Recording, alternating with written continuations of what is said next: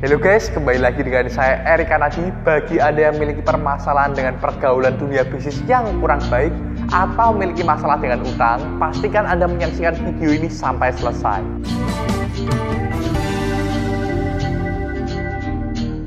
Hari ini Erik mendapat pertanyaan yang sangat bagus dari Bu Bidaya Sari. Hai Erik, nama saya Bidaya Sari. Saya wanita dengan usia 20 tahun. Saya seorang wira swasta harus mengendalikan diri dari lingkungan agar tidak terbawa lingkungan yang kurang baik. Karena pergaulan di sekitar saya kurang baik banyak yang negatif di kalangan anak remaja. Bagaimana cara memperkecil hutang dalam jangka waktu cepat? Di dalam dunia bisnis kita harus dapat bisa bergaul dengan semua jenis orang baik dengan grup orang-orang yang positif maupun dengan grup orang-orang yang kurang positif tetapi kita tidak boleh tertular dengan mereka. Kita harus memiliki prinsip yang kuat dan kita harus memiliki pendirian yang kuat. Bagaimana caranya? Kita harus memiliki respon atau sikap yang berbeda kepada setiap jenis orang. Bisa jadi dengan grup jenis tertentu kita bersikap dengan tegas, keras, dan galak.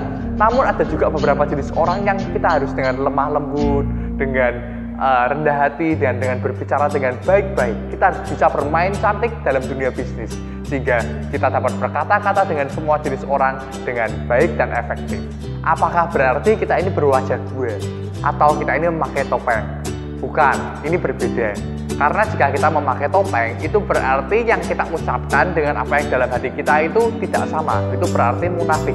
Kita bukan bermain topeng, tapi kita ini memiliki sikap yang berbeda-beda. Sama seperti dengan anak kecil.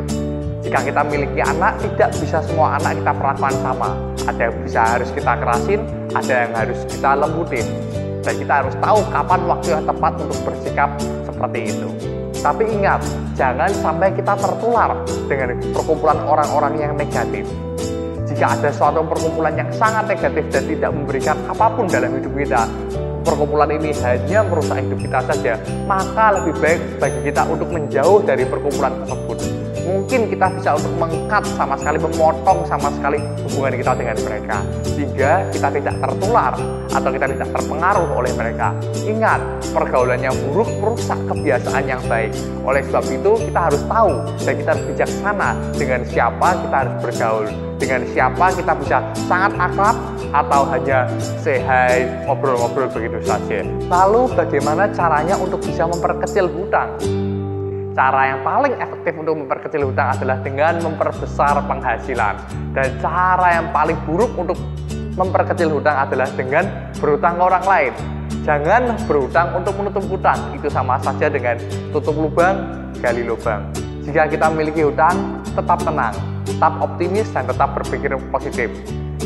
Bu Bidaya Sari adalah seorang wira swasta, seorang pengusaha Coba kita pikirkan, jika bisnis-bisnis yang selama ini kurang berhasil, jika bisnis-bisnis yang selama ini memiliki banyak kesalahan, dipelajari.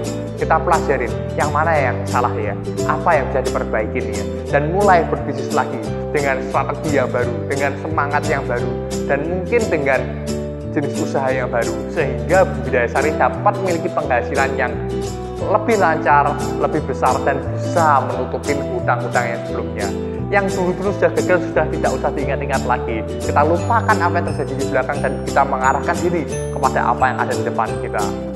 Begitu saja tips dari Erik hari ini. Bagi ada yang punya pertanyaan, jangan ragu untuk komen di video di bawah ini atau langsung masuk ke www.erikkanati.com/chat. Salam sukses.